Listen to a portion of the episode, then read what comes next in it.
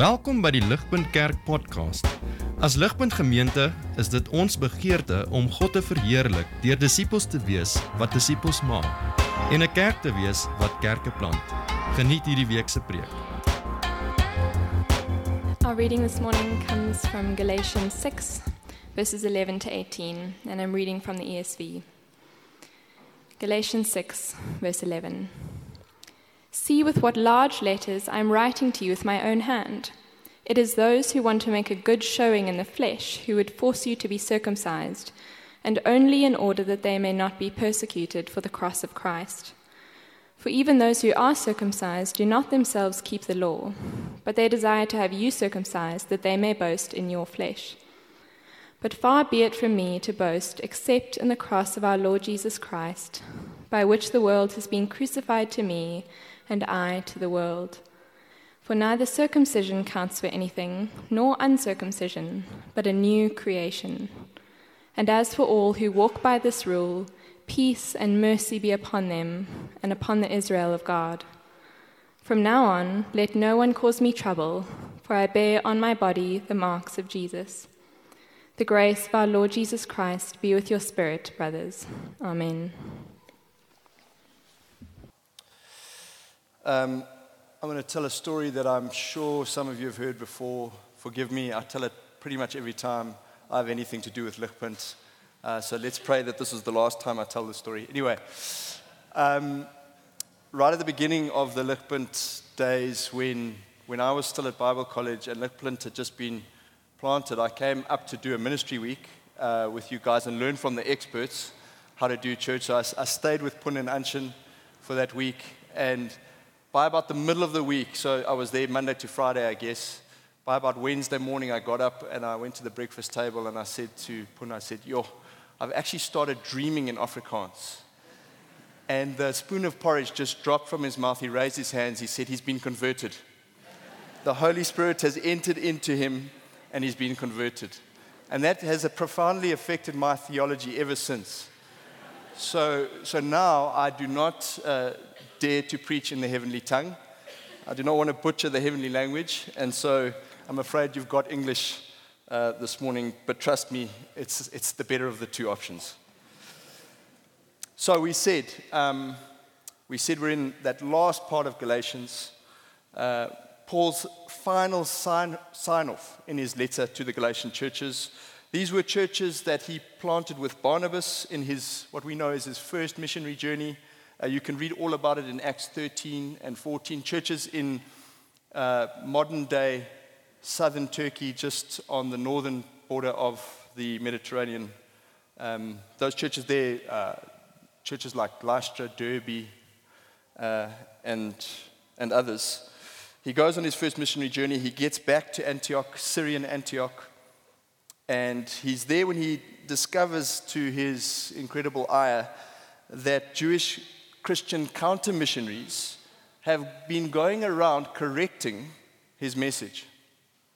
They were telling Gentiles in those churches, non Jews, who had put their faith in the Jewish Messiah, that if they wanted to be part of the covenant people of God, if they wanted to be part of the covenant community, then faith in the Messiah was a good start, but they also needed to be circumcised into the law of Moses. He's the Jewish Messiah, after all. Paul gets wind of this and he sits down to write a very angry letter. And our passage this morning is the end of that letter. And he doesn't waste an opportunity. In a letter packed full of punches, he lands one more punch, and this is the haymaker. This isn't the usual pleasantries of goodbye. You know that endless standing around in the driveway, kicking the tires after a braai? Where nobody actually just gets into the car and leaves. It isn't that. Paul pulls the pin out of the grenade, he drops it, and he walks away. So, in these few verses, he condenses everything he's already said into a powerful summary of the whole letter. And in that summary, as I hope we're going to see very clearly, he sets the gospel against religion and religion against the gospel. It's Paul against the counter missionaries, it's the cross against circumcision. it's the gospel against religion. We can see this opposition clearly. We can see the differences between the gospel and religion oh so clearly when we look at these three things the qualification, who gets in, the motivation, why would you want in, and the operating system. How do you get in? How do you stay in? How do you move along? Those three things the qualification, who gets in, the motivation, why would you even want in, and the operating system. How do you get in, stay in, and move along? So, we start with the qualification who gets in? Who gets into the covenant people of God? I mean, this is the question at the burning heart of the letter. Who gets into the family of God? Who qualifies? How do they qualify? In our passage, there are two very straightforward answers. There are those who boast in the flesh, verse 13, and then there's Paul, who boasts in the cross, verse 14. The counter missionaries were saying that for Gentiles to get in, they needed Jesus and circumcision and law keeping. Paul is equally clear. For anyone to get in, anyone, Jew or Gentile, you need the cross of Christ and only the cross of Christ.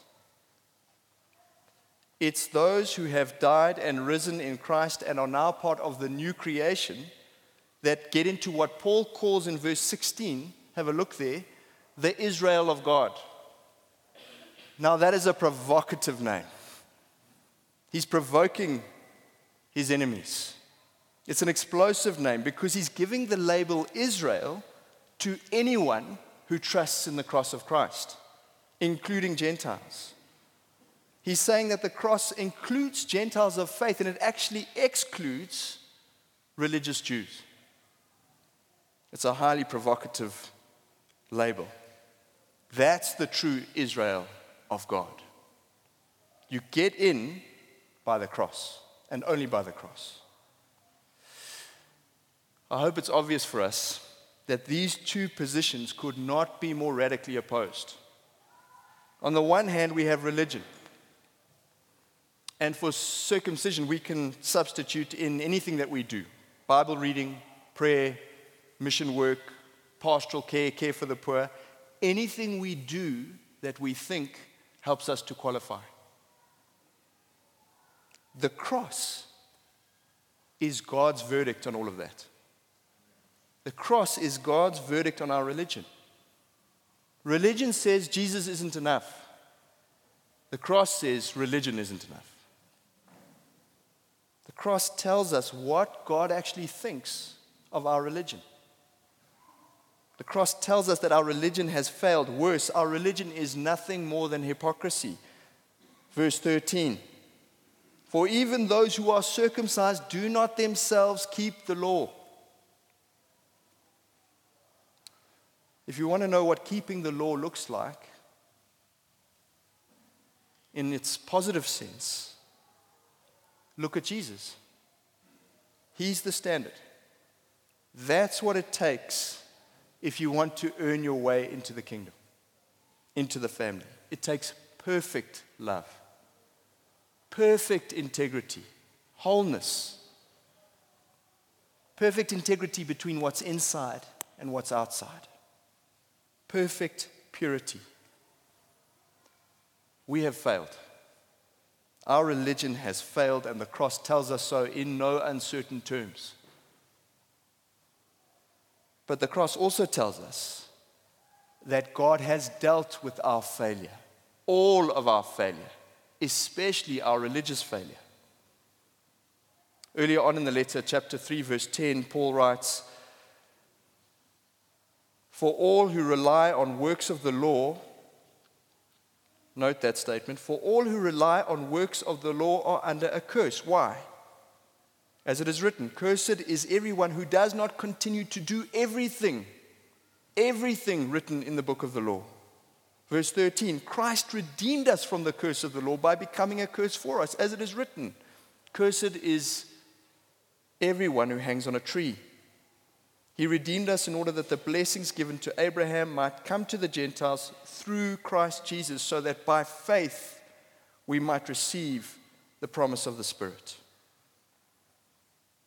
Cross tells us that the curse of our failure has been borne by Jesus so that we might enjoy the blessings of his success, of his righteousness. The cross tells us that Jesus won us a place in the family. How do we get in? By the cross of Christ. And only the cross of Christ. That is the exact opposite of religion. But it's not always easy to see, is it? Because religion is a very clever counterfeit of the gospel. They look so much alike.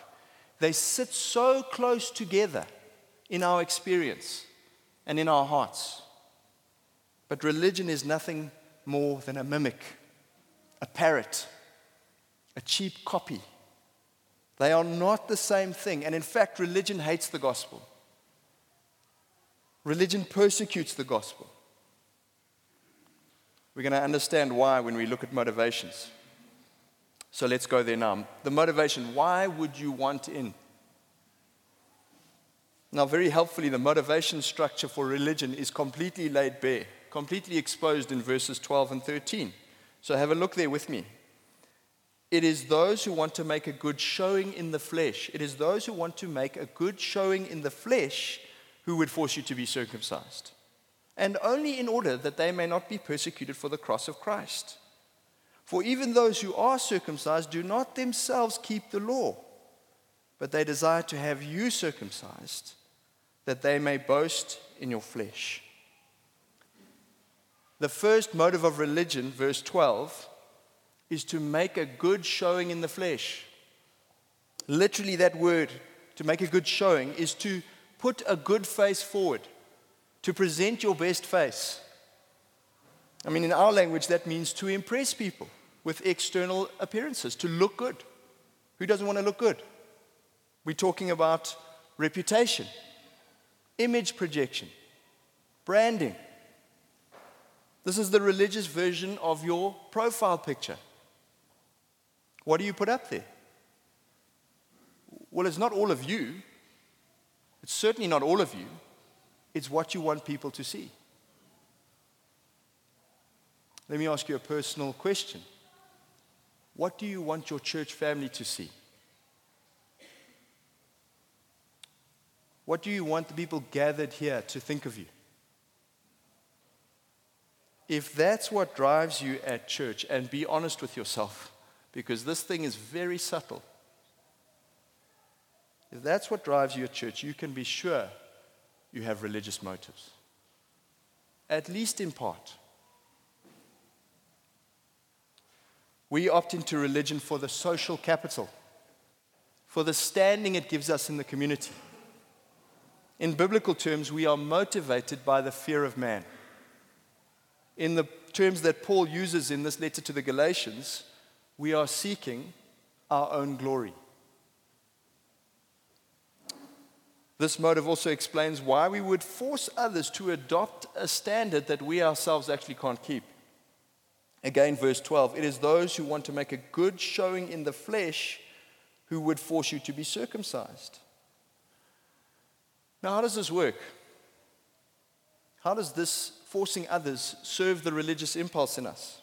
Well, having you adopt my standard gives more weight to my standard. It serves my reputation, it serves my name. If I can get you to build in, to buy in, you build my brand.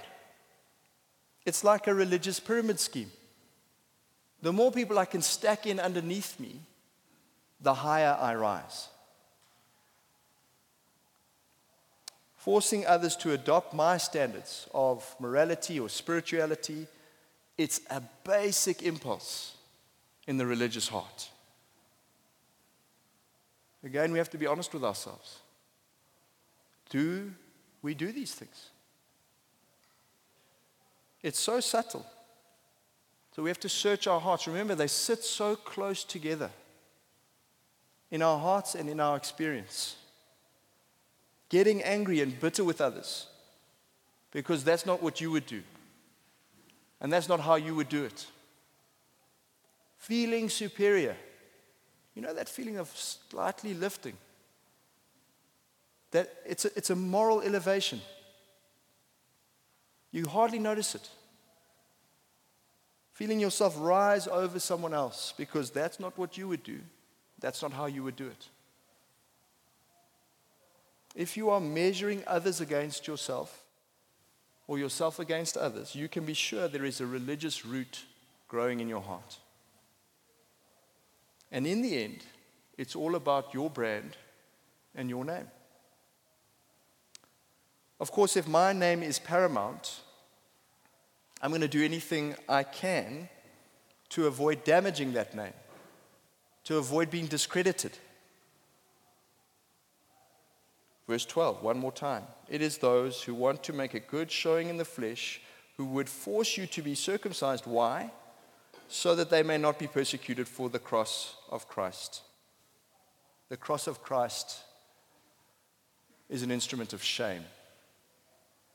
And I don't want any of that shame associated with my name. Religion is motivated by the fear and favor of men. The gospel has an entirely different motivation structure. While religion glories in the flesh, in worldly external appearances, the gospel glories in the cross of Christ.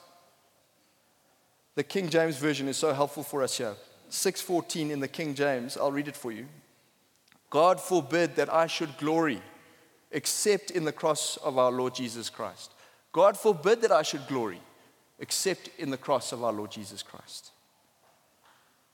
Because of the cross of Jesus Christ, religion, well, let me, let me read the rest for you before I carry on. Notice what the cross of Christ does to religion in Paul's life. Have a look there, the rest of 14. God forbid that I should glory except in the cross of our Lord Jesus Christ, by whom the world is crucified to me and I to the world. Because of the cross, religion is dead to Paul, and Paul is dead to religion because of the cross and only because of the cross. This is how he puts it in a letter to another church. If anyone else thinks he has reason for confidence in the flesh, external appearances, the stuff we do to impress each other, to maintain each other's standards, to build our social capital, to move along with the socialized norms of church.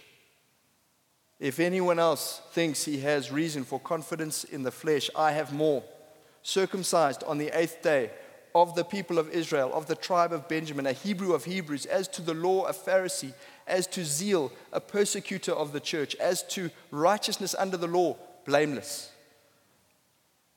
But whatever gain I had, I count as loss for the sake of Christ. Indeed, I count everything as loss because of the surpassing worth of knowing Christ Jesus my Lord. For his sake, I have suffered the loss of all things, and I count them as rubbish in order that I may gain Christ and be found in him not having a righteousness of my own that comes from the law, but that which comes through faith in Christ, the righteousness from God that depends on faith. Can you hear the motivation structure? He is motivated by Christ, an all consuming passion for Christ and Christ alone. In Christ, religious Saul was crucified. In Christ, the Paul of faith rose to life. It's another reminder that religion and the gospel do not blend, they do not mix. They sit so close together in our hearts and in our experience. But they cannot blend, they cannot mix. This is oil and water. There can be no compromise. Faith in Christ doesn't leave any room for our religious contributions. None. God doesn't accept you because of Jesus and your care for the elderly, because of Jesus and your financial commitment to this church, because of Jesus and your leadership position in this church. Paul says, You have died to religion. and religion has died to you. Don't try and bring the stinking, rotting corpse of your religion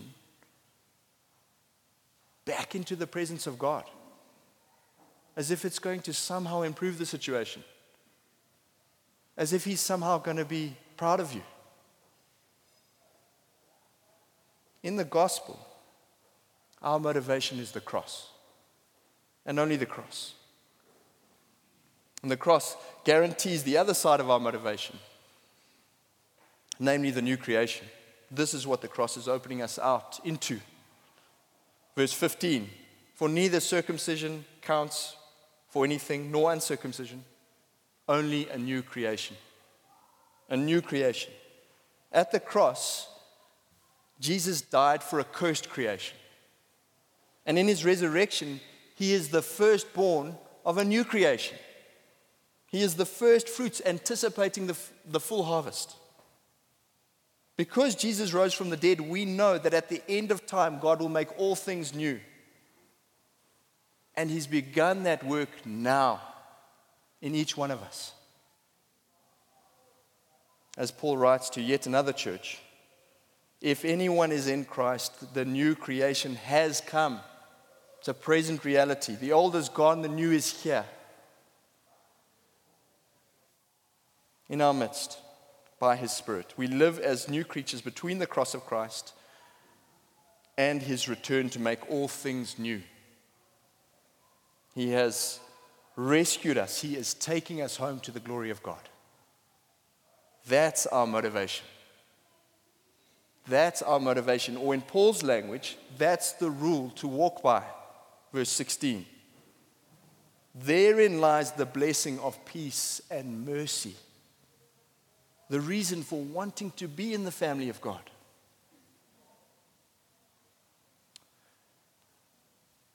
That same motivation structure is also the reason why Paul can welcome, he can actually welcome persecution. Listen to what he says in verse 17. From now on, let no one cause me trouble, for I bear on my body the marks of Jesus. The word he uses for marks it's such an interesting word. These marks that are, uh, what does he say? I bear on my, on my body the marks of Jesus. The word he uses is stigmata. It's where we get our English word stigma. And in Paul's day, it referred to the branding that a master would put on his slave. The marks that would be burnt into the flesh of that slave to identify the slave as the sole property of this master. Paul had many marks on his body by the time he's writing the letter to the Galatians. Many marks. He had been stoned, he had suffered countless beatings. Five times he was flogged with the infamous 39 lashes, each lash designed to draw blood. That's 195 lashes in total. There would have been marks, there would have been scars. These were the scars of being persecuted for Christ. Paul took them as his stigmata. In other words, he wore them proudly as the marks that identified Jesus as his master. We can't miss the irony, can we? The counter missionaries lived in the fear of man and they coveted the favor of man. Their goal was to please others and to avoid offending anyone at all costs. They presented their best face. They avoided any persecution, any kind of attachment to anything shameful or socially taboo. They were building their brand. Paul, on the other hand, boasted. He gloried in the cross of Christ. He welcomed the persecution that came with it. The marks it left on his body were a public witness to his master. They showed everybody that he belonged to Jesus. That was his brand. The stigma, the shame, that was his brand. Two important questions for us to answer. Why would Paul have been persecuted for his loyalty to Jesus in the first place? It's really important for us to have an answer to that question so that we can understand, and have resources to face any persecution that might come to us. Why do people hate the gospel? And we know they do. At the Braai, you can talk about God all day long. Start talking about the cross and see how it goes. Why do people hate the gospel? I'm going to let John Stott give us the answer. He gives it at length, but it's worth hearing. And what is there about the cross of Christ that angers the world and stirs them up to persecute those who preach it? Just this Christ died on the cross for us sinners, becoming a curse for us. So the cross tells us some very unpalatable truths about ourselves namely, that we are sinners under the righteous curse of God's law and that we cannot save ourselves. Every time we look at the cross, Christ seems to say to us, I am here because of you. It is your sin I'm bearing, your curse I'm suffering, your debt I'm paying, your death I'm dying. Nothing in history or in the universe cuts us down to size like the cross. All of us have inflated views of ourselves, especially in self righteousness, until we have visited a place called Calvary. It is there, at the foot of the cross, that we shrink to our true size. And of course, we do not like it. We resent the humiliation of seeing ourselves as God sees us and as we really are. We prefer our comfortable illusions. We steer clear of the cross. We construct a Christianity without the cross which relies for salvation on our works and not on Jesus' works. We do not object to Christianity as long as it is not the faith of Christ crucified. But Christ crucified, men detest. And if preachers preach Christ crucified, they are opposed, ridiculed, persecuted. Why? Because, the, because of the wounds which they inflict on men's pride. The religion in all of us, and if we're honest, it's in all of us, hates the cross. Because the cross says that all of our righteousness is worthless. In fact, we have to repent not just of our sin, we have to repent of our righteousness. And we hate that idea. That's why, if you proclaim the cross, and I'm not talking about preachers here, I'm talking about all of us. If you proclaim the cross in word and deed, you will be opposed. Which brings us to our second question Why then would anyone proclaim the cross? Why did Paul? Well, you can trawl through the New Testament, and I think this is something like the answer you'll get.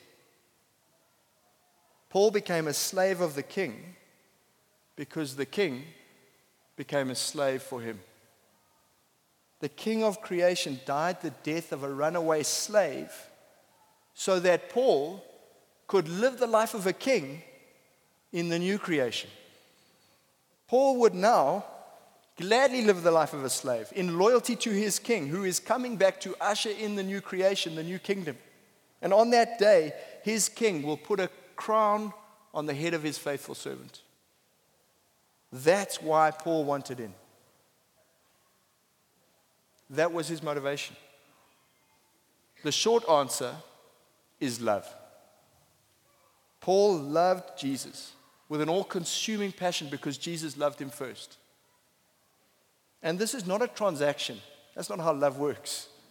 This is not a reciprocal arrangement. Paul was awakened to the possibility of love. He was resurrected into the possibility of love by the overwhelming, life giving love of God. So powerful was this gift of God that Paul wore the marks of persecution proudly. That's how powerful God's love in his life was. He wore them proudly because they were the marks of his allegiance to his king, to the king who loved him. poses an, another awkward question for us Are we willing to suffer, if not persecution, at least opposition for our faith? How willing are we? We may not have to bear marks on our bodies, God forbid. But are we willing to bear the stigma that comes with loving Jesus? Because you and I know religion is popular, but the cross of Christ, that's an embarrassment. That changes the mood in the room. All of a sudden, it gets a little awkward. As Paul says somewhere else, it's an odor, it's a bad smell, it's a stigma. Are you willing to wear it? Proudly, joyfully, cheerfully, hopefully. If not, what's the solution? Well, it's not to try harder. That's just more religion. Go back to the cross. Sit there a while. Look up at your Savior. As far as your religion is concerned, the cross will strip you naked and crucify you. As far as God's love for you is concerned, the cross will dress you in the royal robe put the ring on your finger, the crown on your head, and bury you deep in your Father's embrace. When you know you belong to the King and that He's coming back in the morning, He's going to be here in the morning, you can face anything that the nighttime has to throw at you. The darkest of nights. He'll be here in the morning. So we've thought about the qualification, we've thought about the motivation. Finally, let's give some thought to the operating system. How do you get in? How do you stay in? How do you keep moving along in this thing called the Christian life? Well, the operating system of religion is straightforward. We see it all around us.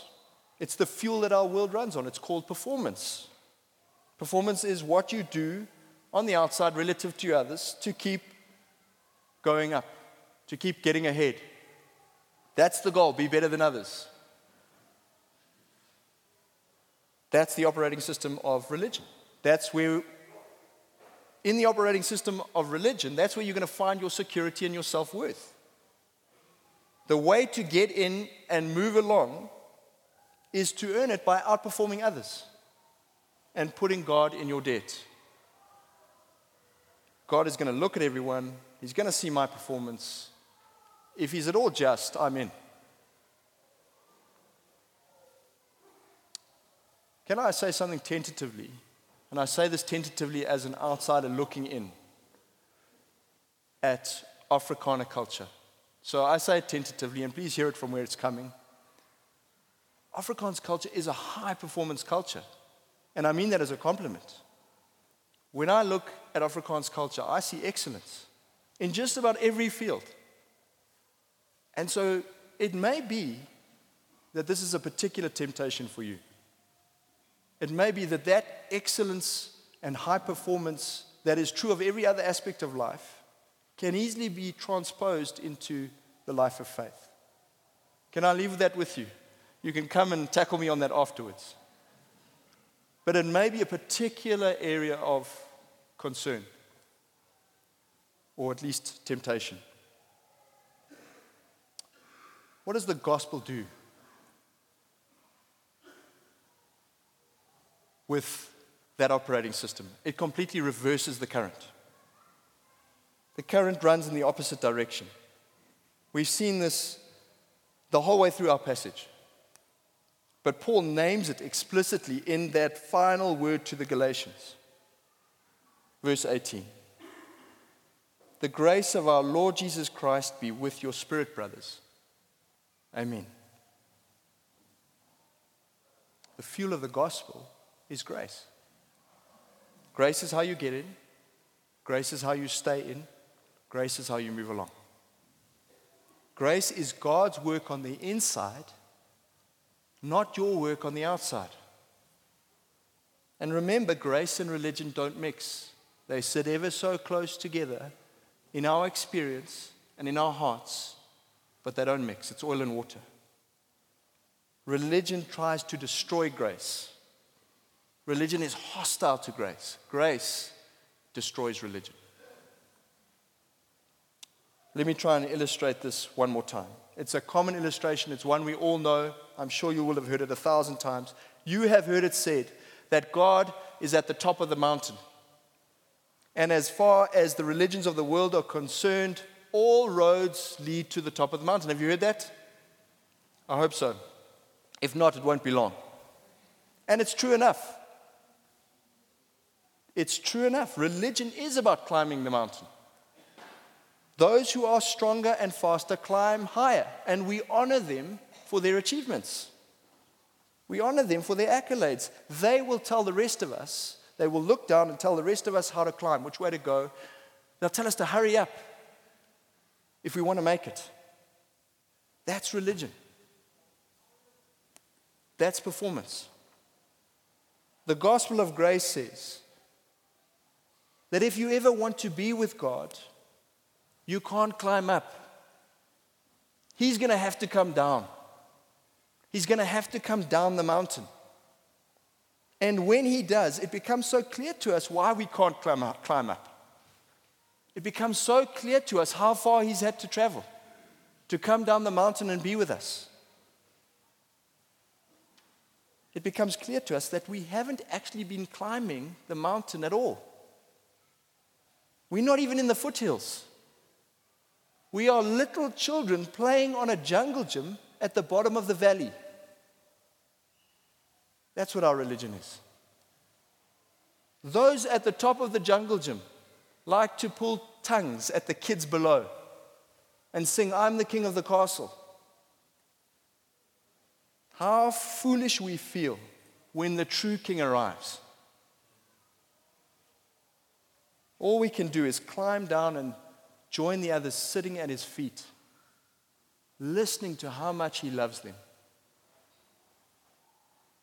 How much he loves all of us, whether we are from the top of the jungle gym or the bottom of the jungle gym.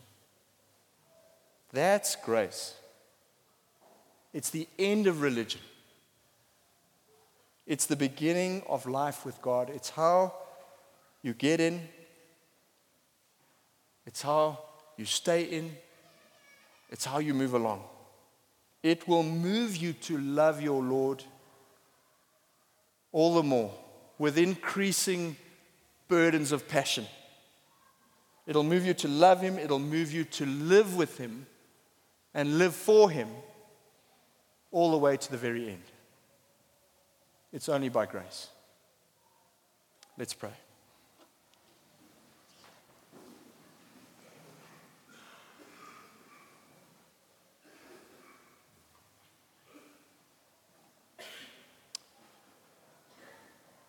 Father, we thank you for your grace to us. We thank you for the cross of our Lord Jesus Christ. It reminds us once again this morning both how unworthy we are, but also how much you love us anyway. Father, what a relief, what a freedom that we can stop pretending and stop playing games with each other. As we move between the cross and the new creation, please, Father, will you help us to live by the rule of your grace? Please put what remains of religion in us, in each one of us. And we know it's still there, Lord. And we know, given half a chance, it'll grow up and choke the word of the Lord. Please put it to death. Put that religious root to death, Lord. Pull it up by the roots. Crucify us to religion and religion to us. We pray that by the power of the cross, we would gladly bear the stigma of Christ in a world that so desperately needs him.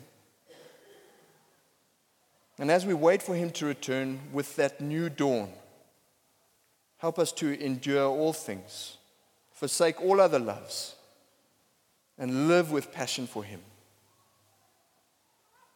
With the Apostle Paul, we pray that the grace of our Lord Jesus Christ would be with our spirits. Amen. Vir meer inligting oor Ligpunt Kerk, besoek gerus ons webwerf op www.ligpunt.com of kontak ons gerus by info@ligpunt.com.